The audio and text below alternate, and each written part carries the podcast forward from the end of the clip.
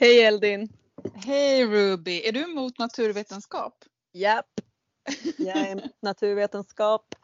Jag tycker att om man är sjuk då ska man lägga sig under en mosshög och typ suga på barrstrå så blir man frisk. Inte fan ska man gå till doktorn i alla fall. Eller hur?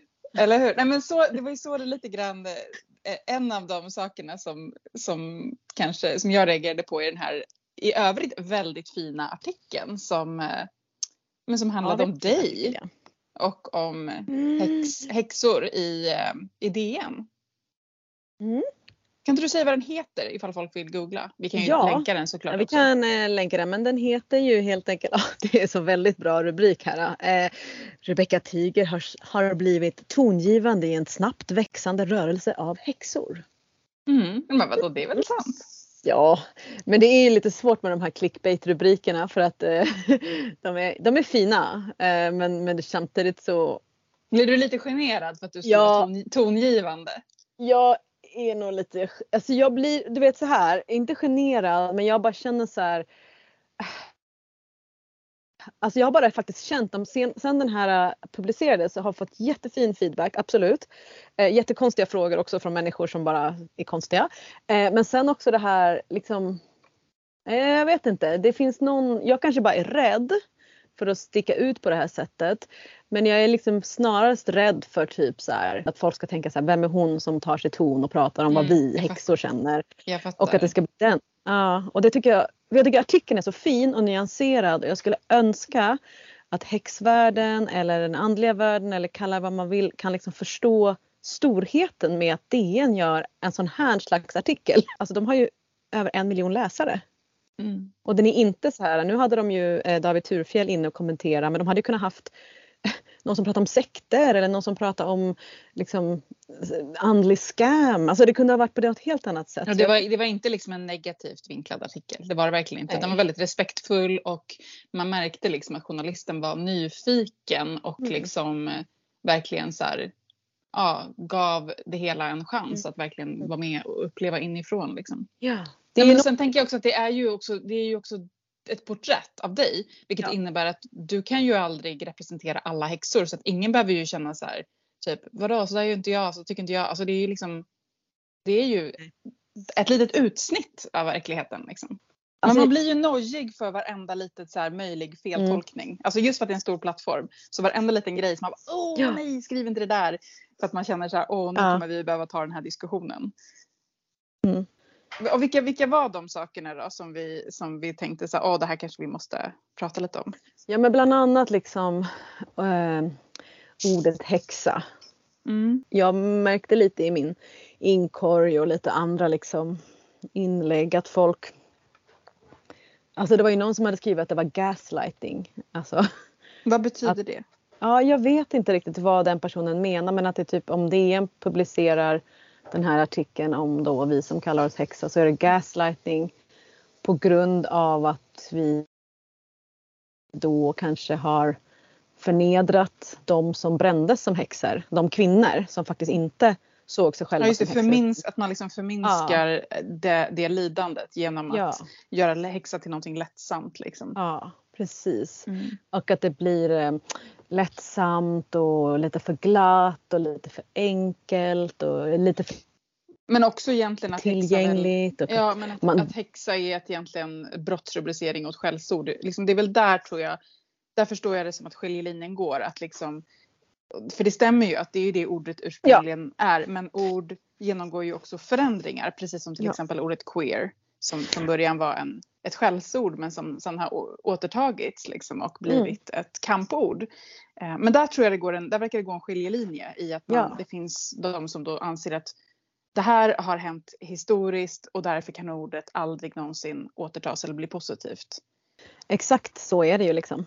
Eh, och jag respekterar det. Jag, förstår, jag tycker det Alltså den, den, den åsikten betyder allt för mig medan min personliga väg eh, och kanske din också är ju att vi, vi finner styrka i, i den här identiteten för vi ser det som ett uttryck för en identitet som står för vissa andra värderingar. Värderingar som skulle ha skyddat de här kvinnorna om vi hade levt samtidigt och hade kunnat påverka. Ja men precis och jag tänker väl framförallt så tycker nog jag det viktiga här att liksom ja, men att se lite nyanserat på ordet. Liksom, att, att, mm. eh, ja, men att det är inte så enkelt att ett ord en gång har en betydelse och då kommer den alltid ha det. Just att ordet häxa har så liksom mång, alltså det, det, det, det, har så många olika vägar fram till ordet häxa också och hur det har använts. Liksom. Att det från början inte heller hade alltid kontakt med djävulen och att det inte från mm. början var ett, liksom ett, en, en kriminell anklagelse utan bara liksom någon som var utanför och annorlunda och så vidare. Så ordet i sig har ju också vandrat igenom olika betydelser. Mm. Det är så, så det alltid är med språk. Liksom. Ja, precis. Jag tänker också så på ordet gay som betyder glad som sen blev ett skällsord som sen har blivit ett härligt ord igen. Alltså så här. Det blir liksom ett lite, lite så här rigid och statiskt sätt att se på ordet som att mitt sätt att se på det är det enda rätta. Liksom. Ja precis och sen är det jättemånga som, som, som kanske gör exakt typ det som exempelvis du och jag sysslar med som aldrig skulle ta det ordet i munnen för de tycker inte ens att det är intressant. Liksom. Och det är också helt mm. fine. Det, jag, jag, kan också förstå att det finns en viss kulturell approprieringsproblematik här. För att det skulle kunna vara så här som exempelvis eh, det har blivit med typ vit salvia då som eh, liksom Sephora säljer med några kristaller tillsammans med parfym. Jag menar om typ en större kedja skulle liksom så här bara skriva så här häxparfym. Mm. Alltså då skulle det ju bli problematiskt för det finns ingen, bara det skulle vara någon magisk kittel som den här parfymen är i. Alltså då, mm. då tycker jag det blir problematiskt men jag tycker inte att det är det när det finns personer som har en analys, som vet vad historien och som vet var allting kommer ifrån för då kan det ju användas positivt. Och ändras, ja och sen, liksom. sen tänker jag också att häxan har i hundratals år varit mer än bara en historisk gestalt. Häxan är också en litterär gestalt ja, och en mytologisk exakt. gestalt. Och som litterär gestalt så är det liksom så här, eh, vi har liksom Hermione Granger, vi har Pomperipossa. Alltså det är så här, häxan mm. är i det kulturella medvetandet mer än bara de som historiskt har anklagats ja. för att vara häxor. Ja. Liksom. Det är liksom mm. olika skiften faktiskt hela tiden. Liksom. Så mm. jag, tror, jag tror också man måste acceptera att just den här världen, häxkraft, häxkonst, häxvärlden är en, en plats där åsikter får gå isär och det är okej okay, att vi inte behöver börja bråka om kanske allt. Jag menar feminismen har ju fått flera ben att stå på genom åren och det är ju jätte, jätteviktigt. Eh, och visst, det kanske behöver finnas flera ben inom den här världen också men just nu är vi ju väldigt små och jobbar man för samma sak så tycker jag det kanske är viktigt att, ah, jag vet inte, stödja varandra och hålla ihop helt enkelt. Ja men alltså jag tycker att vi ska ju, vi ska ju kritiskt granska oss själva och varandra men, men vi behöver inte backstabba varandra. Mm. För det Nej. tycker jag är, det hör inte till systerskapet. Däremot så absolut ska vi ju inte liksom börja hålla varandra om ryggen och liksom aldrig kunna vara kritiska. Nej, det har vi haft nog med i historien. Eller hur? Jag, jag reagerade ju också på att eh, David Turfjell då, som är religionshistoriker eh, som fick uttala sig i artikeln. Men, men det här som jag nämnde nu i början med att, att eh, han, han beskrev den här häxrörelsen som en rörelse som är emot naturvetenskap. Ja, gud. Eh, mm. och det, jag förstår vad han menar men det låter ju helt crazy. Det låter ju som att man vill ligga och suga på bär under mossa istället yeah. för att gå till doktorn. Alltså yeah. jag tänker så här, liksom en liten förklaring där kanske att så här, Alltså Till och med en dementering? Kan vi inte dementera? Dementer ska vi dementera? Ja men vi dementerar. Jag tänker så här. Det finns absolut i new age i, så, i stort så skulle jag säga att ja, det finns de som direkt är emot naturvetenskap. Det är mm. liksom, då pratar vi foliehatt och konspirationsteorier. Eh, men jag skulle säga att just i häxrörelsen så tycker inte jag att det är någonting utpräglat utan snarare här finns det ganska så här stor jordad jordade människor, många är akademiker och själva naturvetare så att jag tycker att ja. det är jättekonstigt. Men jag tänker att så här, det som finns är en skepticism mot att man skulle kunna nå insikt om världen enbart genom rationellt tänkande. Alltså att vi vill uppvärdera det ja. kroppsliga, det estetiska och det andliga. Men inte på mm. bekostnad av det rationella utan att ge plats för det också i vad det är att vara människa. Ja, eftersom det är en total obalans i hur det rationella verkligen krossade mycket kunskap. Ja. Liksom. Ja. Och att vi, vi, vi vill också slå ett slag för naturvetenskapen kan ju ibland verkligen vilja hela tiden dämpa och bota symptom medan vi här kanske är intresserade också så här, men varför återkommer den här obalansen konstant då? Ska vi kolla på vad som sker på en mm. annan nivå än, än att bara liksom eh, bara tänka att vi ska ta bort en huvudvärk konstant, konstant, konstant. Liksom. Vi, vi är glada att det finns medicin som kan hjälpa oss men vi är också intresserade av att så här, hmm, varför kommer den tillbaks? Liksom? Vad, är det som liksom, mm. vad är det som finns här? Och det tycker jag är um, Alltså det är en så himla, alltså bästa partners, bästa jäkla äktenskapet om de där två fick liksom gå hand i hand och leka i Gröna Ängars ö. Eller hur? Ja, ja det, det finns ju ingen, det finns ju så noll motsättning. Nej, så det tyckte var väl lite problematiskt att han ändå, men, men ja, jag, jag håller ju med dig också att det kändes inte heller som att han kanske Alltså han är ju jättepåläst och jätteinsatt på ett sätt men jag vet inte fan om han liksom har verkligen varit i moderna häxsammanhang på länge. Men det tänkte jag också på och mm. framförallt tänkte jag på det när han skrev så att häxrörelsen har liksom rötterna i särartsfeminism. Och då vill jag bara skrika så här, mm. nej fast nej, nej det är 70-talets eh, häxrörelse. Oh. och nu, nu är vi liksom 50 år senare. Nu får du hänga med ja. här. Typ. nu får du hänga med här. Ja, lite så kände jag också. Men vi kanske ska samtala med honom. Han kanske är sugen på att komma och hälsa på för Mödrars makt någon gång. Ja, ja men det hade kunnat vara intressant. Men, men ska vi bara vi förklara för dem som... bjuder på. Men det, ja. För de som inte, som inte vet vad, vad vi menar bara, alltså för att vara lite inkluderande. Ja, så Särart, vi ska alltid förklara. Ja men det är ju det här eh, synen på att män och kvinnor är i grunden olika och att det ska liksom hyllas och lyftas fram. Att, liksom, att vi är födda olika. Vi har liksom, ja, eh, det, det, är liksom den. Och att det är en feminist dels som vill lyfta fram. och dels mm. typ känslomässiga, kognitiva. Liksom. Ja. Men att, att det, den sortens feminism vill liksom lyfta fram det som då tänks är kvinnligt och det var ju en det var ju ganska stort liksom på 70-talet. Och sen så har ju jättemycket hänt sedan dess liksom och vi yeah. pratar nu om tredje vågens feminism som, mm -hmm. som då är queer, intersektionell, det vill säga tar in andra perspektiv som till exempel rasism och funktionalitet och sådär. Mm. Och det är ju den som vi tillhör och som liksom våra covens och de vi hänger med väldigt mycket tillhör. Uh, så det, det är väl där tänker jag att det skulle vara spännande då för mm. religionshistoriker att hänga med på den uh, rörelsen som pågår mm. nu också 50 år senare. Mm. Precis och man får ja, för man måste ju tänka att för 50 år sedan så fanns det ju en, liksom en helt annan förutsättning att arbeta politiskt med feministiska frågor och även med frågor gällande andlighet och, och exempelvis häxkonst. Alltså det fanns inte ens förskola i många länder. Alltså så här. så det var ju liksom en helt annan, en helt annan tid. Uh, och det var helt rimligt så, då? Ja, ja, ja visst. Så här, det kommer ifrån reclaiming.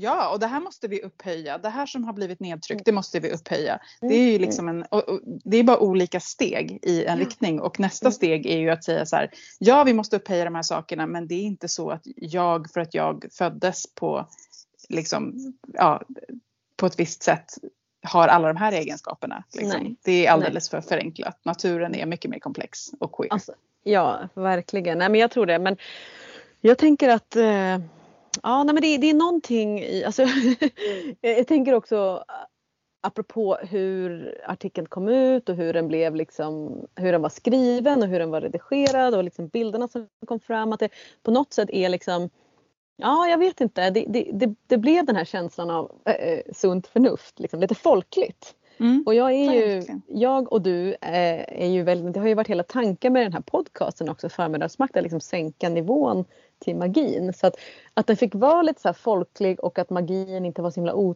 otillgänglig, det tyckte jag var jätte, jättefint. Och jag måste bara liksom på något sätt, eh, alltså jag, om man inte har gjort det så var det väldigt roligt att läsa eller ja, jo, nej, jag tycker det var roligt bara, inte sorgligt alls, utan roligt att läsa de här kommentarsfälten på artikeln. För det är ju liksom, ja, personer som är väldigt arga och bittra över massa saker i världen som har kommenterat och, och många av dem skriver då, eh, inte många men några av dem har liksom dissat, dissat, dissat mig och den här artikeln men sen har de ändå liksom så här, som en slutsvung kommit in och bara fast den här kvinnan har ju ändå sunt förnuft.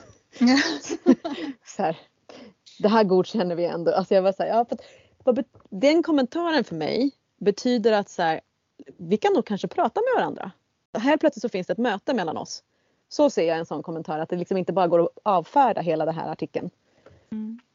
Att det ja, finns den här det... lilla, lilla bron. Den här lilla mm. ömtåliga hängbron slash vassbron på att vi faktiskt skulle kunna kommunicera och prata och mötas och få samexistera utan att vi ska krossas. Eller bli krossade. Men det, det är min känsla av den här artikeln också som Mm. helhet. Att den, Ja. att den blev en liten bro. Att den inte gjorde oss konstigare utan kanske gjorde oss lite mer begripliga. Och eh, sen så petar jag i de här begrepp som jag stör mig på. Men, men som helhet så tycker jag verkligen att den Ja. fyllde en väldigt viktig funktion. Och liksom att det, det är någonting stort för alla som är i den här rörelsen att synas på det sättet i en så stor tidning. Ja. Det är också jätteroligt för att eh, Karin som är med i artikeln också, hon är en av våra lyssnare vet jag. Eh, hon, eh, cred till dig Karin för att hon väljer, att det här var hennes coming out as a häxa. Oj. Men det är lika bra att bara komma ut with a bang. Ja, liksom. liksom, och, och det är så väldigt kul för att hon nämner ju också att jag jobbar på ett läkemedelsföretag. Liksom, och, så här. och så bara stopp, brukar hon stoppa pentagrammet innanför tröjan som hon skriver men, hon, nu bara, men numera är det liksom så här. Men jag, jag frågade henne hur, vad har du fått för respons? Hon bara, nej men alla är, jätte, alla är jättepeppade och jätteglada. Liksom. Jag bara, Mm. "Åh, vad fint. Min hemliga fråga till dig den är liksom så extremt långt ifrån den här bron som man någonsin kan tänka. Oj. Men det kan ha att göra med att jag eh, har varit hemma och eh, liksom vabbat. Så du får samma fråga som min femåring älskar att ställa. Oj. Är du med? Ja. Okej, här, här kommer frågan. Ja, här är frågan. Om du fick välja Eldin, skulle du hellre ha rumpan i munnen eller munnen i rumpan? Alltså skulle du äta med stjärten eller skulle du bajsa med munnen? alltså, det kan vara den bästa hemliga frågan hittills. Men jag tycker, jag tycker svaret är givet. Ja, vad är det då? Alltså äta med rumpan. Eller hur? Är det, Alltså- väljer du också det eller? Ja, ja, ja, alltså verkligen för det andra känns så jobbigt. Ja. Ja men gud ja. Nej, men jag kan inte ens se, jag vet inte ens om det är en så himla stor nackdel att äta med rumpan. Nej, alltså jag tänker att det kan vara ganska sensuellt och lite så här Ja det tänkte jag också. väldigt roligt liksom. Ja. Mm. Mm. Mm. Nej men det är ju mitt barns, eh, han eh, älskar, han bryter så här kroppsdelars funktion och så bara man skulle välja och det där är Och byta plats på dem. Ja, ja, byta plats på det och liksom så byta, ja, det, men det är ju är- Det är helt fantastiskt. jätteroligt alltså. Ah. Ja, från rumpa och mun till Från rumpa och mun till ja, en av de mest grundläggande liksom, områdena som, som vi nästan bygger allt vårt arbete runt och som vi har namedroppat och nämnt så många gånger. Men nu ska vi äntligen ha ett helt avsnitt om. Jag säger bara en, två, tre, fyra element.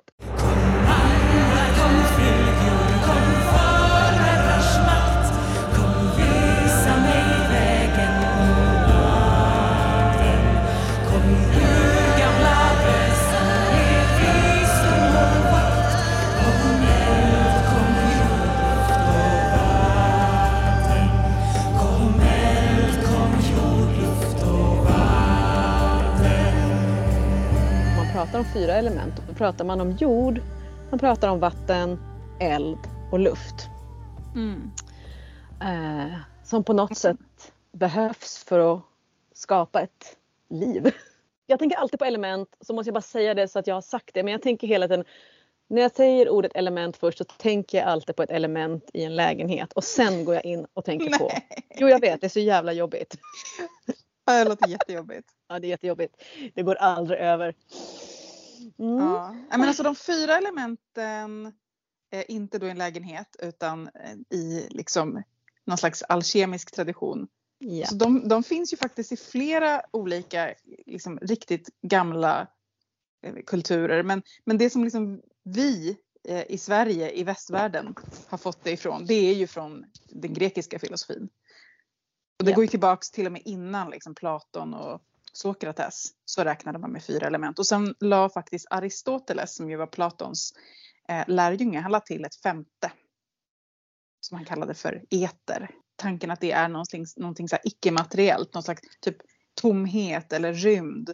Det Mm. som är det som inte är materiellt och hos Aristoteles hade det att göra med att han tyckte att det materiella på något vis var korrumperat eller så här, inte liksom det var inte så fint.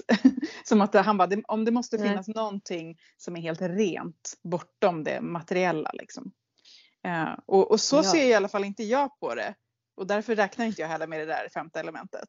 Nej, alltså jag räknar inte heller med det femte elementet fast jag gör det om jag liksom jobbar mer i norröna nordisk eh, tradition för att då lägger jag till is. Ja, men då är ju det ett materiellt. Då är inte det, ja, det något, något femte som är helt så upphöjt över de andra. Nej, liksom. nej, men sen ibland visst, jag kan vissa övningar och visst arbete som jag gör så kan det vara fint att tänka att man själv skulle vara eter eller att man själv skulle vara det femte elementet. Mm i, i ett visst sammanhang. Men inte så generellt så tänker jag inte på det. Men jag tror att det, det jag vänder mig emot är liksom att, att inte de fyra elementen skulle vara andliga i sig utan att det, ja. alltså, the spirit är typ någonting annat. Utan liksom som det här animistiska och liksom immanenta sättet att se på andlighet så är ju det materiella magiskt och andligt liksom uh, i sig. Men de ville ju också krossa det lite grann. Ja men mm. precis. Ja. Det är väl det jag tänker. Det är det som ligger i det där femte för mig. Mm. Liksom. Mm. Då vill man krossa och för det här eter också det var ju inte för alla. Det var ju inte för slavar Nej. att kunna nå dit det var inte för kvinnor och absolut inte för barn. Det var en, en viss typ av män som mm. hade tillgång till e-, eventuellt att nå dit liksom. Men du det där med det femte elementet som is är ju spännande. Vad tänker du där då? då? Mm. Nej, men det har jag ju jag har tänkt på det om man då liksom ut... Alltså för att jag, på något sätt, elementen för mig sätter jag ju alltid i, i sammanhang med ett årshjul och det ska vi ju prata om. Liksom. Och jobbar man då med ett årshjul eh, och bor här i Norden eller på någon annan plats i den Northern Hemisphere som är kall så behöver vi ju på något sätt hela tiden förhålla oss till eh, is. För is är ju nästan, om man tänker rent krasst så gör sig isen påmind från typ oktober till april. Mer eller mindre liksom. Alltså det finns delar av is. Och på något sätt så tänker jag också att is det är liksom en, en symbol för för en stor viktig kunskap i att ha samhällen, i att kunna bygga världar liksom. Man måste ha förståelse för, för elementet is eftersom det är det som får oss att bli långsammare, det är det som får oss att stanna upp. Det är det som får oss liksom att eh, kunna skapa långvarig förändring. Du alltså tänker det, på isens liksom eh, att den är så här, den är liksom ett rörligt element ja. i frus, fruset tillstånd, liksom. stillheten där. Ja, stillheten liksom.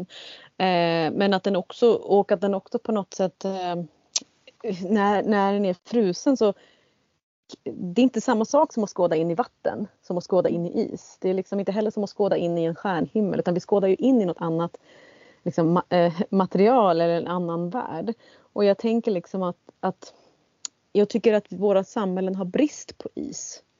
Alltså mm. vi är ganska rädda för runan Isis. Vi är ganska rädda för att stanna upp och helt plötsligt in, bara, oj nu fick jag ledig tid. Nu, nu kommer alla mina känslor ikapp mig och vad ska jag göra? Alltså, det, det är den här klarheten i isen ja. också. Att den kommer med den här liksom stillheten som ger klarhet. Precis som ja. isen kan vara så gnistrande klar. Liksom. Och det är skrämmande för att man blir tvungen att se på någonting. Liksom. Mm. Eh, isen kan ligga på en sjö som du kanske inte känner att du kan simma över i sommartid. Man kanske ligger där på vintertid och så känner att du, gud den här kan ta dig så långt. Du bara glider fram liksom. Det är också ett transportmedel som är snabbt. Om man vågar liksom ge sig ut på isen. Mm. Men sen tänker jag också att isen är viktig i nordisk mytologi eftersom vi har liksom Nifelheim och Muspelheim som allting liksom uppkommer från. Alltså det är ju Audhumla står där i mitten och slickar fram. liksom. mm. Så det är Nifel, som... Nifelheim som isens rike och Muspelheim som eldens ja, rike. Liksom som, om, man, om man tänker till två grundelement i nordisk myt ja. så är det, ju, är det ju is och eld. Liksom. Ja. Och det är väldigt vackert liksom, på något sätt att, eh, att då, då det, är, det är något ursprung i det här med isen och samtidigt som jag eh, inte heller kanske jag när jag jobbar med eller jag vet att du och jag följer samma årshjul och då kanske vi inte lägger in isen på ett och samma ställe utan den finns ju med under stor del av året rent så här fysiskt. Men sen så kan det ju vara så att eh, du behöver kalla in is mitt i liksom supersommartiden för att it's going too fast. Mm. och så. Det är Eh, spännande för att jag tänker att det du, det du säger nu sätter ju verkligen fingret på något som jag tänker är centralt när det gäller att jobba med system. Alltså så här, de här elementen eller det här årshjulet. Alltså allt det här är ju olika system. Och då får man ju ofta frågan så här, men varför finns det så många olika system? Och varför, vilket ska jag välja och vilket är rätt? Alltså vilket årshjul är rätt? Vilka elementuppsättningar är rätt? Ska jag ha isen? Mm. Ska jag inte ha isen? Och jag tänker att en grundläggande fråga är ju så här, hur är det på platsen där du bor? ja. Och liksom det är ju det du, alltså för vi tänker de fyra elementen kommer längre söderut ifrån. Det är, liksom, det är en tradition som kommer från liksom, eh, om, om vi tänker det grekiska eller det vediska. Mm. Alltså det, det är liksom helt, jag tycker att det är så himla bra och viktigt att tänka på så här, vilka element finns där jag bor och hur tar de sig uttryck? Liksom. ja. Och på samma sätt då om årshjulet, att fundera på hur är naturen vid de olika kvartarna, vid solstånden, vid höst och vårdagjämningarna, vid skördetid. Mm. Eh, alltså Mm. det är ju nå- någonstans den första frågan man behöver ställa Mm. sig. Liksom. Kom eld, kom jord, luft och vatten Kom eld, kom jord, luft och vatten Det vikanska årshjulet, vicka, det är Mm. ju liksom ändå den ska säga, äldsta stora häx eller hedniska nya religionen som, som folk känner till. Den har ju ah, elementen på ett annat sätt i årshjulen än vad du och jag har. I det, det vikanska årshjulet så, har, så sätter de ju i öster, väderstrecket öster så sätter man luft. Vårdagjämningen Ja. på, års, på själva årets Ja. eh, jul. Ja. Eh, liksom verkligen så här att, att ja, luften tänder upp, luften skapar rörelse i det som ska komma, eh, liksom, det som komma skall. Och sen i söder så sätter man eld. Och det är ju sol, Mm, sommar. sommar. sommarsolståndet eh, på årshjulet Mm. när det är som soligast och ljusast. Så där Mm. har vi ju elden Ja. i solen. Och, ja. Ljuslåga, skogsbrand, allt möjligt. Och sen i väster så kommer vatten. Och det är då höstdagjämningen. Mm. Mm. Och då har de då, eh, eh, vad heter det, liksom allt möjligt som, som handlar liksom om ja, men vattnet i all, dess form. Brunnar, hav, tårar och så vidare. Och så vidare. Och sen i norr så är det då jord. Och det Och är- vintersolståndet. Mm, precis. Så det, där kan det ju vara eftersom många, alltså den vikanska traditionen och häxkraft, vill, många vill ju väldigt gärna koppla ihop dem och säga att det är typ samma men det, det är ju inte riktigt samma tradition. Eller det är inte samma tradition, det kanske har en gemensam nämnare långt bak i tiden men det, Men vilka det är ju en specifik gren Mm. i häxkonsten. Liksom, men Precis. som är väldigt stor och den mest kända. Liksom. Många har ju frågat oss så här, vad har ni för konstigt årshjul? Det här har inte jag. Det är årshjul som jag och Eldin följer. Det finns på vår hemsida och länkar kommer finnas i, i avsnittets anteckningar och så. Men det, för det årshjulet som, som vi följer, eh, det är inte komponerat utifrån bara där vi bor utan det är egentligen liksom importerat från keltisk tradition via Glastonbury och eh, eh, Katie Jones och gudinnetraditionen och sen liksom har det blivit eh, ja, omarbetat och anpassat, eh, inspirerat av att passa oss här i Norden. Men Kathy Jones då som du Mm. nämnde, det är ju eh, hon är ju Mm. författare och dramatiker som eh, bor i Glastonbury i England och hon grundade, hon var en av dem som grundade Glastonbury Goddess Temple som är liksom ett modernt gudinnetempel och där också startade en prästinneskola. Liksom ett modernt prästinneskap som är väldigt mycket föregångare till många andra prästinneskolor och gudinnetempel runt om i världen. Och Mm. Va- både dina och mina lärare eh, har ju liksom sina rötter i Glastonbury Goddess Temple. Liksom, och på samma Ja. sätt är det ju för många idag i Sverige. Att vi, vi, liksom, Mm. vi har gått i lära hos dem som i sin tur har gått i lära där. Mm, Ehm, precis. och Kathy Jones hon skrev ju en bok 1994, det är skitlänge sedan, Mm. som heter Spinning the Wheel of Anna. Det är hennes Ja. liksom, bok där hon, Mm. där hon förklarar så här, nu väver jag ett nytt hjul. Mm. Ja. Det är liksom avalonska hjulet som man pratar om då för att ordet Avalon kommer ju från, ja, det är från den keltiska mytologin, Arthur, kung Arthur-legenden. det här mytologiska landet Avalon eh, som sades ligga eh, där, där Glastonbury ligger. Hela titeln på boken är ju också A spiritual quest to find the British primal ancestors. Just det. Och det, det tänker jag är lite intressant att hon faktiskt, eh, alltså hon- hon hade ju ett, eh, ett calling eller ett kall liksom att försöka hitta ett årshjul som passade ihop med hennes vision som hon hade fått liksom av platsen och av gudinnan och av Avalon. Ja men precis, för nu har vi pratat mycket om liksom naturen som, Mm. som eh, spegel för årshjulet och elementen. Men i många av de här traditionerna så är det ju också mytologin. Alltså mytologin blir som eh, en resa genom året. Ja. Precis och att hon behövde hitta ett hjul där då liksom Anna, alltså Goddess Anna kunde liksom uttrycka sig själv och kunna komma till sitt fulla, eh, sin fulla rätt också. Ja precis, alla de här liksom gamla keltiska och brittiska gudinnorna som hon tyckte, precis som vi tycker att de Mm. nordiska har fått stå tillbaka. Det är liksom, folk känner inte till deras namn längre så hon började liksom så här, verkligen forska kring dem och, men, och forska kanske inom citationstecken för det var ju väldigt mycket så här det var mycket ett inre och ett andligt arbete hon gjorde kring det här i och med att det finns så få källor. Liksom. Eh, Så Ja. det här var ju ett mycket hjul hon liksom drömde fram eh, kreativt. Liksom. Ja. Hon skriver ju det att hon hade det vikanska årshjulet som någon slags, liksom, det hade hon och hon hade andra årshjul också liksom, men att det som kom till henne när hon gjorde sitt årshjul blev ju att hon, hon bytte ju plats. Mm. Eh, På på, elementen. på elementen ja precis. Så det är därför Nej. folk tycker att vi kanske gör något annat. Men det, faktiskt så är de ju, har jag kommit att tänka på, de är i samma ordning. Men de är liksom Ja. vri, det är vridet. Ja, Liksom, det så det börjar inte på samma. Ska vi dra dem också då bara så att det blir tydligt här vad vi... Vi börjar på öster igen då. Ja, i öster på uh, Katie Jones årshjul och vårt årshjul så sätter vi ju elden. Mm. Det är vårdagjämningen och när solen liksom vänder, ljuset vänder åter i världen. Ja, nej, nej, eh, precis och vi, vi pratar väldigt mycket om vad som händer med jorden också, att den börjar bli varmare. Eh, och att det liksom är lättare, dagarna blir längre så att säga. Mm. Och sen så i söder så sätter vi ju då vatten.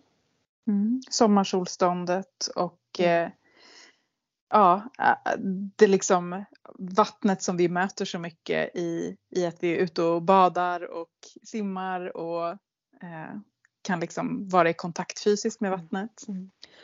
I väst då så kommer ju jord. Mm.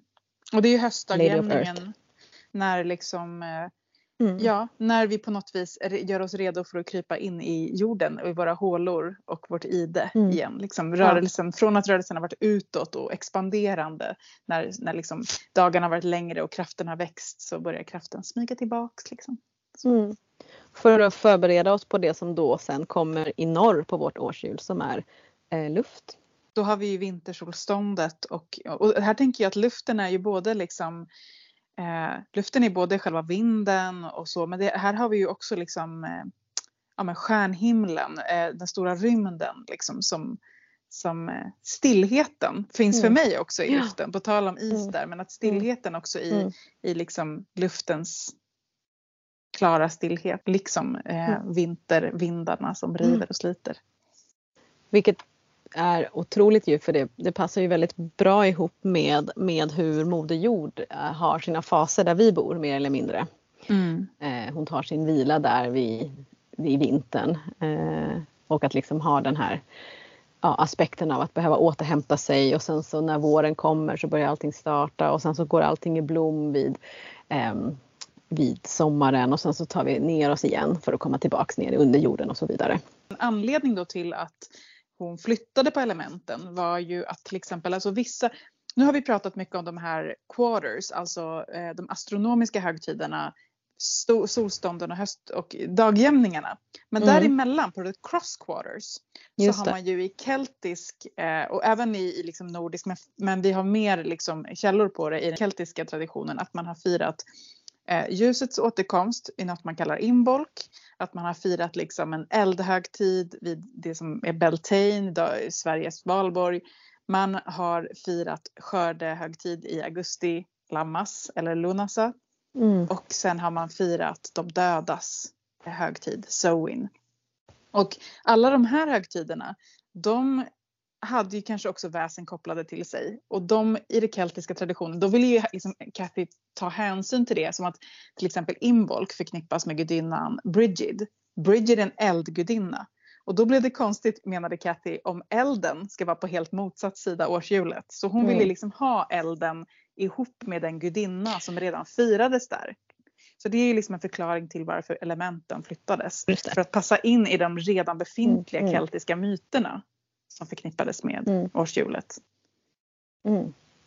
Ja men det tänker jag också är och det, det är ju eftersom hennes uppgift handlar ju också om att liksom återställa gudinnans roll och jobba med gudinnan. Eh, gu- gudinnans kraft och hennes rykte, hennes upprättelse. Och det har ju aldrig varit eh, det vikanska, liksom, fokus på det i det vikanska att lyfta upp gudinnan på det sättet.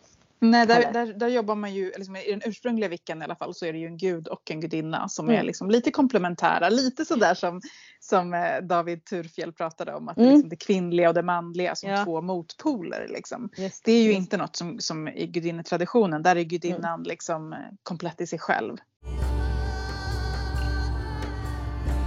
Om man kollar på nordisk hedendom, fornsed eller många kanske har kallat det för asatro förut. Deras årshjul är ju ganska likt. Eh, vid vintersolståndet så har de ju då julblotet och då Mm. jobbar de ju med Oden och eh, ja, alltså hans aspekt som Julnir. En, och och eh, även Frej för att man då blotar inför nästa år och så vidare. Eh, för ljusets återkomst. Eh, och sen så har de Disablot i februari där man då upphöjer diserna. De kvinnliga makterna, vad de nu kallar det liksom. Och att, liksom, att fröet är på väg tillbaks liksom. Och man, man jobbar liksom med att ja, det är dags att sätta fröer i jorden. Och sen så eh, pratar de ju också om att det är en väldigt kall tid och att det är väldigt viktigt liksom att här, välkomna ljuset. Och sen så har de vårblot vid vårdagsjämning. Men och, fi- har, kopplar de element till de här? Ja, precis. Alltså i julblot är jag lite osäker på vad de har för element men vid vårblot så pratar man ju väldigt mycket om solen. Mm. Eh, och man pratar ju väldigt mycket om eh, alltså vårdagsjämning och grönskan. Och att det, liksom, eh, det är dags att, eh, att det är dags att vända sig liksom till eh, eh, till eh, jättinnan Gerd och Frej och jobba med det. Men de, de, de, jag- kan inte hitta att de sätter liksom elementen elementen i årshjulet men att de sätter gudarna i årshjulet. Mm. Typ, men, men vid Majablotet vid Beltane så är det ju eldsfest. Ganska li, likt det här eh, vikanska traditionen mellan typ en, en, eh, en kamp mellan vintern och sommaren. Alltså att det finns en liten så här rituellt eh, skådespel eller någonting mellan de här eh, liksom, kamperna. Vem ska vinna liksom? Så som det har varit också i keltisk mytologi att eh, the winter queen The Oak King and the, Ja, the Oak King, eh, Holly ja. King. King precis att, att eh, han, the green man vinner liksom. Och sen är det midsommarblot och då är det liksom eh, ja, Sunna, solens gudinna. Från vårblot till maj och midsommar är det mycket eld. Och sen har de ett sensommarblot som är då där vi liksom firar eh, Lamas. Och eh, där har de ju gudinnan Siv, modersgudinna. Sen är det höstblot vid höstdagsjämning. Och då är skörden avslutad och liksom in, tar, sig, tar sig tid innan man går in i mörkrets tid. Och sen så är det alvablot som också handlar om liksom de avlidna, de ofödda, eh, kontakt med alver. Eh, liksom ta, eh, ha, ha en eld för att liksom ta sig in i dödsriket och så vidare.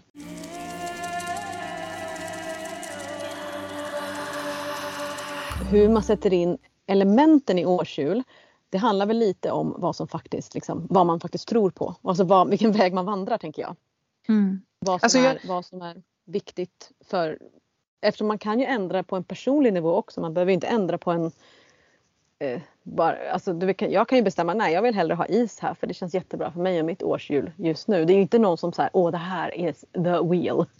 Nej, för det jag tänker det är viktigt att säga och det är liksom både om gudarna och gudinnorna och om elementen. Det är ju att de finns ju närvarande hela tiden. Alltså Mm. det är ju tack och lov inte så att vi bara får andas luft eh, en gång om året. Nej. Utan, alltså alla element finns närvarande hela tiden och de, vi vill ha dem i balans hela tiden. Naturligtvis kan vi kalla på Mm. Brigid när som helst på året. Brigid har en Ja. crone-gestalt. Hon kan komma som gammal vis kvinna. Hon kan komma som älskarinna och hon kan komma som den lite mer kända jungfrun på sin egen Mm. tid. Mm. Och därför tänker jag liksom att man behöver aldrig fråga sig så här, vad kan jag verkligen fira eh, elden nu? Eller kan jag verkligen kalla på den här gudinnan nu? Självklart kan man det. Mm. Så vad är då Ja. poängen med att ha ett årshjul där vi säger att nu är det eldens tid? Mm. För nu är det Mm. Bridgets tid. Ja precis, det är en jättebra fråga och jag tänker att vi, du och jag kanske har olika svar. För mig handlar det ju lite om ett sammanhang och för mig handlar det också om en, en rytm. En, en, en cirkadisk rytm som jag har, som min kropp har och att jag mår bäst av när jag eh, följer årshjulet och då blir det för mig så väldigt naturligt att jag har varit i i mitt årshjul då som i norr har luft och luften för mig handlar om den här vilan, stjärnklara midvinternätter, inte göra så mycket, stanna upp, tänka efter, få tid och liksom så här, inte göra så himla mycket. Att typ, att typ, jag typ kopierar Moder Jord där jag bor. Jag bara ho, ho, liksom. Och sen så känns det väldigt naturligt när jag har haft några månader på paus att börja tända upp mig själv. Mm. Eh, och med det sagt också, jag tycker det är skitfint att jag mitt i den här mörkaste, mörkaste tiden får välkomna ljuset. Jag bara, men gud vad nice, ljuset är ju på väg. Liksom, jag blir så här, ah, yes nice liksom. Mm. Eh, och nu när vi börjar liksom, när vi har kommit halvvägs, nu när vi spelar in det här, då är vi i juni. och då börjar man känna så här, ja men snart så ska man ju välkomna mörkret och då är det så himla lätt att omfamna ljuset. Mm. Så att liksom jag har tänt upp mig själv, kommit hit, ska in liksom i Alltså har jobbat med eldens kraft och jobbat med att och, och, och ta mig in i det som för mig då handlar om att liksom blomstra och kunna liksom våga kanske gå lite out of my comfort zone eller vad det nu är jag jobbar med för att sen kunna kliva in i vattnet som sköljer mig lite och ta mig lite ner på jorden och så här eh, svalka mig lite och håller mig och gör mig mjuk och liksom så här följsam så att jag kan ta emot den här supersolkraften som kommer nu. Och sen är jag typ så här vaggad och redo för jorden. Jag bara hej mamma jord, jag lägger mig lite ner mot din, ditt liksom härliga, härliga sköte och bara är så redo och bara vad fan har jag gjort det här året? Så mycket roligt och så mycket som blev konstigt. Och, nej, men det här tar jag med mig och det här får vara kvar och sen så bara kliver man in igen direkt ner i underjorden tillbaka till den här vilan. Jag tycker att det för mig är det så här Oh my god, this is my... Det är min nyckel till livet alltså. Men det finns ju progression mellan elementen som, som, är, som är som sagt egentligen är exakt samma som i Vicka fast lite förskjuten. Och det är ju att elementen går från eh, det eteriska till det fasta. Alltså man tänker Ja. sig att luften är det mest eteriska, det minst greppbara, det vi inte ens kan se. Och sen så får den någon slags form men som fortfarande inte är greppbar och det är elden. Sen blir den ytterligare Ja. lite mer fast. Vi har vattnet som vi faktiskt kan ta på och känna på vår kropp men vi kan fortfarande inte, inte fånga den i våra händer. Och så Nej. slutar vi liksom i jorden som är det allra mest materiella och fysiska. Mm. För att sen totalt släppa tag om det jordiska, gå in i döden och återigen gå in i det som är helt eteriskt, luften. Så jag tänker att, att, att cykliskt resa genom elementen, hur de blir, går från eteriskt till fast och tillbaks till eteriskt. Mm. Det är väldigt skön resa att göra och, och liksom det, ja, det är lite det är en, metamorfos. Ja, det är ju liksom som att det är naturens eget språk liksom, Mm. att göra den resan. Nu när jag har valt att vandra så här i nästan, det är nästan nio år liksom, och vara väldigt trogen till att vara cyklisk så känner jag att gud, tänk om jag inte fick göra det här, vad jag kommer bli ledsen liksom. jag tycker det är lättare då när det kommer in stressigare perioder och tyngre perioder att jag vet att det finns typ en plats för mig i det här årshjulet att så här, ja, men jag, jag, ska, då tar jag, jag tar tag i det när elden kommer in i mitt liv. Liksom, så här. Jag ska Mm. kalla på det och så ska jag låta elden hjälpa mig och guida mig och så. Och också att ingenting varar för evigt. När någonting Nej. är tungt liksom, så kan man bara säga men, men, men snart så släpper jag det i Sowin. Typ. Ja, liksom. precis. Exakt. Också en, en sak som är superviktig att förstå är ju också på något sätt att de korresponderar med varandra precis som du sa. Och eld finns i jord. Det, det finns jordeld. Mm. Alltså vad, vad är lava? Vad är ehm, kanske varma stenar? Eller det finns eld, luft, alltså stjärnor Ånga. eller blixtrar eller ånga. Ja precis. Vatteneld. vatten. Ja, vatteneld. Men att, att, att man kan behöva också så här förnya sina vad heter det, tankar kring de här elementen. Alltså elden behöver inte bara vara lägerelden, skogsbranden, glöden utan det kan vara den här varma vinden som smeker mot den liksom.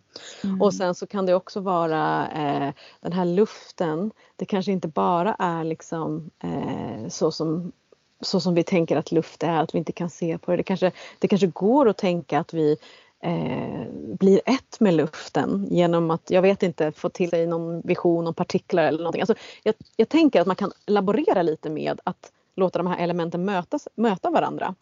Eh, Ja. och det kan vara otroligt erotiskt med typ jordeld. Att bara så här, tänka att man... För när jorden är så här varm, det är ju riktigt fantastisk kraft liksom i att så här, känna den här värmen från jorden. Att den här värmen och elden kan få vara lite, lite hållbar och inte så här eh, rädd att det ska bli en förgörande eld hela tiden.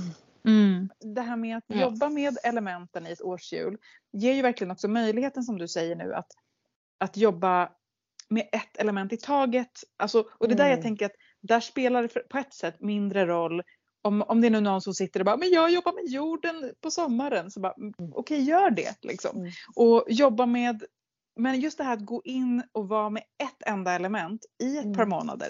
Mm. Det gör ju liksom att man verkligen får gå på djupet Mm. med det elementet. Och precis Mm. som du säger, gå förbi alla de här lite mer ytliga föreställningarna om vad elementen är. Och jag Mm. tror att det allra starkaste sättet att verkligen lära känna elementen är precis som du säger, att liksom prova att så här, verkligen bli elementet. Att verkligen så här, upp, Mm. uppmärksamma det överallt i naturen. Mm. Känn hur det känns i din kropp. På vilka sätt tar sig det här elementet uttryck i dig, i din kropp, i dina känslor. Mm.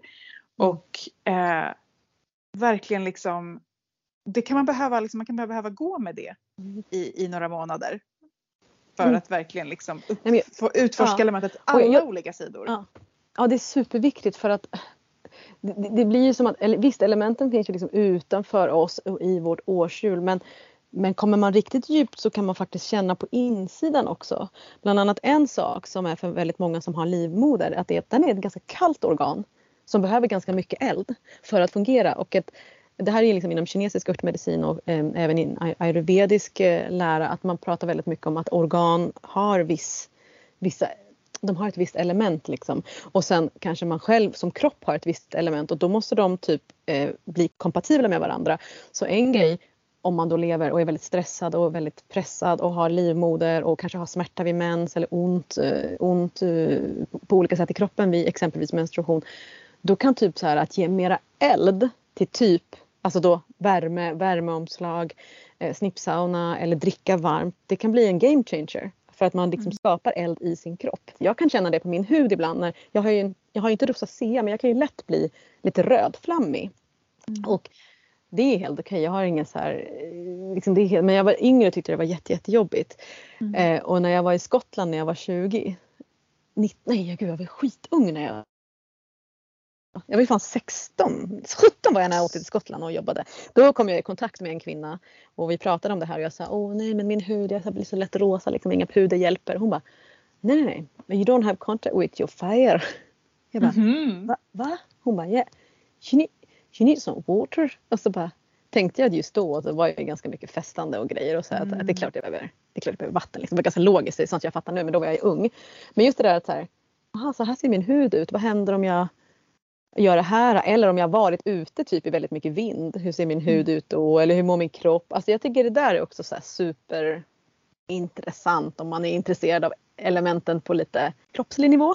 Mm. Ja men verkligen. Alltså den, Mm. den, liksom, elementen tar sig uttryck på så många plan. Alltså både så här materiellt, fysiskt men också sen så känslomässigt tänker Mm. jag. Alltså Ja. där, det är nog ett sätt som jag har jobbat väldigt mycket med elementen. Liksom, Mm. att, att identifiera mina känslor i, i liksom, med element och på något Mm. vis också där känna så här, vad menar, är, om mina känslor liksom är ett stormigt hav, så här, vad behöver de nu? Vi behöver Mm. lite land här att, att liksom Mm.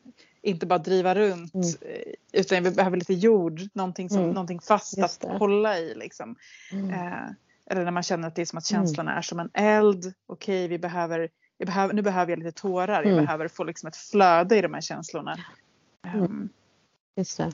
och rösten, alltså Ja, vi har ju och- luf, ja, luften. Mm. som röst. Att känna blockeringar i luften kan vara liksom känna att jag inte kan uttrycka mig fritt. Mina, Nej, jag hittar inte mina ord. där är du inne på någonting som är superhjälpsamt. Att, att verkligen eh, tänka sig in vad, vad de här elementen betyder för en liksom, och hur kan de hjälpa en. För en sak, eh, bland annat om man har varit utbränd och, och, eller utmattad, eh, vare sig diagnos eller inte, då, då kan ju den här elden kännas jätteläskig. Att tända upp sin eld igen för att det gick så himla fel och snett.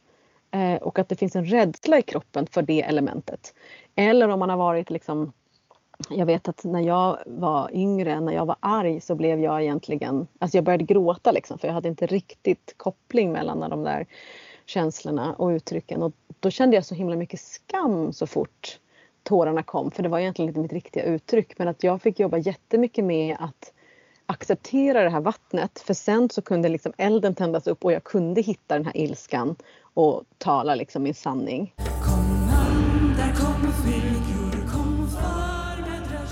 På samma sätt som vi började avsnittet med att prata om vad är häxa, vad är häxkraft? Alltså, årshjulet kan vara högst personligt men sen är det ju fint att lära sig ett årshjul från grunden och kanske ett annat årshjul för att skapa sitt eget årshjul. Men det finns ju inte the wheel. Nej, utan det är en alla. konstruktion och ett system och, och liksom, jag tänker att den stora poängen med Alltså, eh, det ena poängen med att ha ett system är ju att man, man blir tvungen att gå ur sin comfort zone. För att om man Ja. bara fick gå på känsla hela tiden då skulle jag bara, nej men det är vatten fortfarande. Ja, det är Mm. vatten hela tiden. Nej men det blev ingen jord i år. Alltså det är väldigt bra att ha så här, bara, nej men nu, är, nu är- jag exakt lika mycket tid åt varje element och utforskar istället vilka eventuella motstånd jag har. Men den andra poängen med att ha ett, ett, system det är ju att vi kan göra saker tillsammans. Därför att annars Ja. skulle det bli skitsvårt att kanske ha ceremonier om man bara man har inget gemensamt liksom. Så Mm. att jag tänker att poängen eh, är ju faktiskt också att ha vissa gemensamma ramar så att man kan göra ceremonier tillsammans med andra om man vill. Ja men verkligen, för det, det, det tror jag är otroligt eh, superviktigt om man ska samskapa. Och det säger jag till de som kommer på typ de här längre vandringarna, årslånga workshops som jag har, att det här är mitt hjul och det här hjulet vi jobbar med.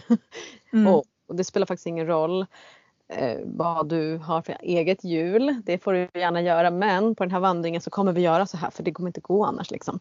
Och jag tycker Nej. inte att det har varit, alltså det har varit jättelätt. Liksom. Men sen det här med gudinnorna och gud, gudar, alltså att man verkligen också kan, det är ju också apropå konstruktion och godtyckligt liksom, det är ju också så här, eh, jag vet exempelvis om vi tar skade. Vi, vi om gudinnorna i avsnitt 5 och 6 om ni vill veta mer om det. Men eh, eh skade som är en jättinna som en del sätter som eh, i norr som en liksom jätte getinnas kraft och vilan och liksom snön och lugnet och liksom den hållande kraften. Och några sätter henne, och is också representerar ju hon, och några sätter skade som sin mer eh, sin andra gestalt som en mer liksom skidande ungmö som klarar sig genom alla hinder och liksom så här verkligen äventyrlig och tar tag i liksom saker och skida fram på sina skidor och har den aspekten. Så att det är inte så här att en gudinna måste vara där. Några sätter Frigg där, några sätter Frigga där, några sätter... Alltså så, det är också lite så att de här gudinnorna är ju lika eh, de kan jobba på samma sätt som elementen kan möta varandra kan man väl ändå säga. De kanske framträder olika tydligt liksom. Alltså, jag, tycker, jag tycker ofta att jag liksom ser Eostre runt vårdagjämningen. Mm. Jag ser inte henne så jättemycket på vintern. Men Nej. liksom, självklart kan man jobba med Eostre året runt. Och självklart, och Gud vad spännande att ta reda på vem är hon i sin dödsgestalt. Liksom, och sådär. Så att, eh, Ja. Det, och jag, det tycker jag är, liksom, det är på något vis nästa steg. Om man har lärt känna de här, man har gått ett årsvarv med elementen Mm. och, och gudinnorna eller gudarna. Så tycker jag att man kan gärna gå ett år med en också. Ja. Och så här, typ utforska den ett helt år eller liksom Mm. utforska elden under ett helt år tillsammans med de andra fyra. Som du sa, vad elden i jorden? Vad blir elden i vattnet? Vad blir elden i Mm. luften? Mm. Mm. För att fördjupa och få Mm. mer nyanser. Liksom. Ja, alltså, och på, med det sagt så är det ju väldigt liksom årshjulet och elementen är ju det, är nästan en, eller det är grunden i det som vi jobbar med. Nej men nu har vi inte pratat någonting om eh, typ elementmagi till exempel. Nej, Och, och ja. spells och sånt som inte heller vi kanske håller på så mycket med. Vi håller mer på med ceremonier och så. Men jag tänker Mm. att det här det är ju mer liksom istället för så en lista på bara, så här kan du göra spells med vattnet så tänker jag så här ah, man behöver bli så förtrogen med de här elementen att man kan liksom Mm. laborera med dem utifrån de behov som uppstår. Att Mm. man liksom så här, nu behöver vi en, en ritual för att släppa taget. Okej, vilket element eh, Mm. kan jag använda då? Liksom? Eller Mm. hur kan jag använda alla fyra element? På Mm. vilket sätt kan, Mm. kan alla element bidra till kraften av att släppa taget? Att det är liksom så man, man ser dem som redskap snarare än att ha någon slags statisk lista på typ de, Mm. de här spelsen med jord, de här spelsen med Mm. eld. Liksom. Verkligen, jag, jag, jag, jag tror helt på det för att det det känns också som att spells är så himla personligt liksom att det, det, inte alltid det funkar att bara ta från en lista liksom, utan det är klart man kan bli inspirerad och, och se vilket arbete som tidigare eh, människor har jobbat med och sådär men att verkligen säga vem är du, vad behöver du eller ska du göra en spel för någon annan, vad är det faktiskt den här personen skulle behöva liksom eller hur skulle jag kunna op- optimera möjligheterna för den här människan att ta sig ta sig an vad det nu kan behövas. Liksom. Så att jag tror att verkligen, liksom, jag tänker ofta på de här basic spellwork, liksom att så här, eh, hylla luften när vi andas. Mm. Eller liksom så känna värmen i kroppen när vi inte fryser. Eller, När eh, du tänder ditt altarljus, Ja, då, altarljus. vad, är det, vad är det du åkallar med Mm, den lågan du tänder? Liksom? ja. Vattnet du dricker på morgonen när du vaknar. Alltså, det, är, det är sådana enkla grejer som alltså, det är verkligen är konstanta hyllningar till elementen i allt vi gör. Mm. Sen så kanske inte jag hyllar varenda vattenglas jag tar jämt liksom, men just det att uff, där är den också. Så att, och det, det gör också stor skillnad Mm. eh, på, på att bli aktiv kring elementen i vardagen och hur Mm. magiska de kan vara. Ja Eldin, det här var ju liksom ditt och mitt eh, sista avsnitt för den här eh, lilla härliga vårsäsongen. För nu, eh, nu blir det sommar och då händer det andra grejer. Mm, då får vi chans att bjuda in en massa gäster och ha Mm. sommarprat precis som vi hade förra året. Mm. Och precis som förra året så kan ni gå in och gissa på vår eftersnacksgrupp på Facebook vilka som de här eh, härliga vad heter det, sommarpratarna är. Förra året var det ju väldigt svårt och det kommer nog vara väldigt svårt i år igen. Men det kommer bli väldigt bra. Ja, verkligen. Ja, jag är så exalterad för vi har ju liksom redan spelat in dem under våren så vi har suttit på den här skatten. Ja, och inte försäga oss liksom. Det har inte varit Nej, lätt. det har varit jätte, jättebra att vi har varit så duktiga. Mm. Cred, cred, cred. Så i det här avsnittet så är det bara en sak kvar nu då. då. Ja, det är det. Go, go, go. Völvans spådom. Från dåtid till nutid till framtid. Vi älskar och tackar er Patreons från djupet av våra hjärtan. Tack, tack, tack. Puss, puss, puss. Ni är otroliga. Så en av de saker som vi gör för att hylla er, det är ju att varje vecka så drar vi en utav er som blir föremål för völvans spådom. Låt völvan tala. tala. Den här spådomen går till Sara, vår kära Patreon Sara. Tack för att du stöttar oss. Tack Sara! Ja, och den här spådomen kom till mig som en slags bubblande kraft i mitt bäcken. Ja, det var jättespeciellt. Alltså det brukar komma mer bilder till mig faktiskt. Eh, Jag är väldigt så visuell när jag får liksom, visioner och så. Men här var det verkligen så här, det kom här, underifrån, nerifrån, i mitt bäcken. Och sen började jag höra fiolmusik. I mitt bäcken. Sara. Wow! Så jag, liksom, jag fick så resa in i mitt bäcken. Det var liksom dit min resa gick i den här, med den här spådomen. Och där var det som en skog med så dans och fiolmusik. Supermagiskt. Jag kunde som så titta in liksom på vad är det som händer här. Och jag fick sådana här liksom associationer till så folkliga legender om just så här det magiska dansen, det magiska fiolspelandet. Och där har ju faktiskt också djävulen själv spelat en väldigt stor roll i folksagor, folksagorna. Mm. Mm. Så du Sara blir den första som får djävulen i din, Mm. i din spådom. Mm. Det finns ju många olika varianter av djävulen men, men just den här varianten eh, som den väldigt folkliga djävulen eh, och som också förknippas jättemycket med, med fiolspel. Och eh, jag vet inte om, om ni allihopa vet det här men att på 1850-talet i och med den stora så här, kristna väckelserörelsen som blommade upp då så förbjöds dans på många ställen och många fioler slogs sönder. För att den förknippade, alltså både dans och fiol förknippades så mycket med djävulen men också med liksom just att man så förlustar sig. Att man liksom är ute i skogen, i, det hed, Mm. i det hedniska, liksom, det är det folkliga. Och man dansar och man spelar. Och eh, vi har ju också den här jättekända legenden om Horgadansen, Horgasägnen som handlar om just hur djävulen förklädd till spelman lockar massa Mm. ungdomar i byn Horga att dansa sig till döds på det här berget. Och Mhm. det är spännande för ordet Horga eh, tros komma från det kris- förkristna ordet för harg som ju är eh, kultplats. Som vanligt så är det liksom att, att den kristna legenden varnar för någonting hedniskt. Och vi har ju liksom andra Såklart, ja. hedniska liksom varelser. Vi har älvdansen, vi har Näcken som spelar fiol. Det är någonting som har skrämt folk väldigt mycket med det här liksom dansen, passionen. Mm. Um, också mötet med de, liksom, det folkliga och de gamla traditionerna. Och jag tänker att liksom, ja, vad, vad, liksom, vad det här kommer med till dig Sara, liksom, jag tänker att det kanske finns rädslor att kika på liksom, i och med att, att djävulen som gestalt kommer och pratar väldigt mycket kring, kring rädslor, kulturella rädslor och förbud, skam. Eh, men också att liksom våga lyssna på den här fiolen kanske som kallar ut i skogen, Mm. in i bäcknet. Mm. Eh, rörelsen, dansen. Mm.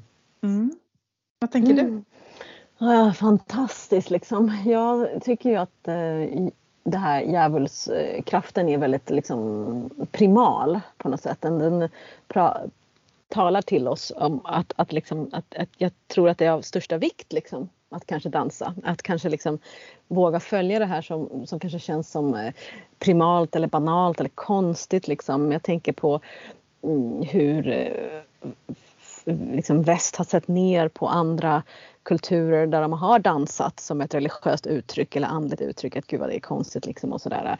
Eh, liksom, Och demoniserat mm, demoniserat det och, och att kvinnor som har dansat på ett visst sätt har varit liksom både det ena och det andra. Så jag personligen också känner ju lite grann att när djävulen kommer till en så tycker jag också man får en påminnelse om så här jag vet att det finns en så här jättetråkig meme om eh, ute på nätet med så Lucifer, men det är så här bild när han Lucifer-karaktären, han är ju så här, ja, snygg man liksom som står han typ i sina badkläder eller är i en pool och så står det typ så här ehm, typ disasters and war, that was never my thing. Eh, I just do orgies. liksom att det är den här lusten och den här njutningen och det här släppa ner garden lite och, och så här puff liksom. What, what's your primal eh, need faktiskt? Vad, vad, vad, vad, kommer den här? och Just bäcken, att du fick till bäckenet också. Det är ju så här också väldigt primalt. Liksom att there's no more lying.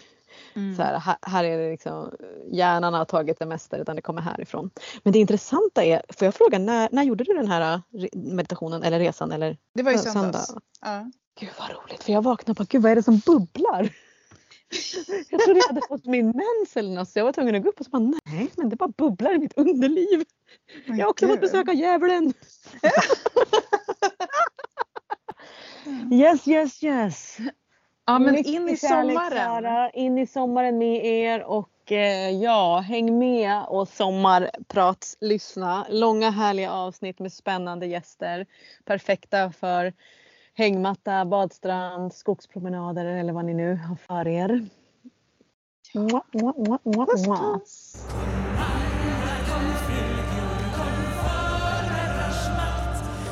Vill du stödja vår podcast ytterligare så kan du Betygsätta podcasten. prenumerera på podcasten för att öka vår synlighet. Bli medlem på Patreon så får du dessutom en massa häxiga benefits. Gå in på patreon.com slash formodrarsmakt. Och vill du ta del av ytterligare samtal med likasinnande, bli medlem i Facebookgruppen Förmödrars makt eftersnack.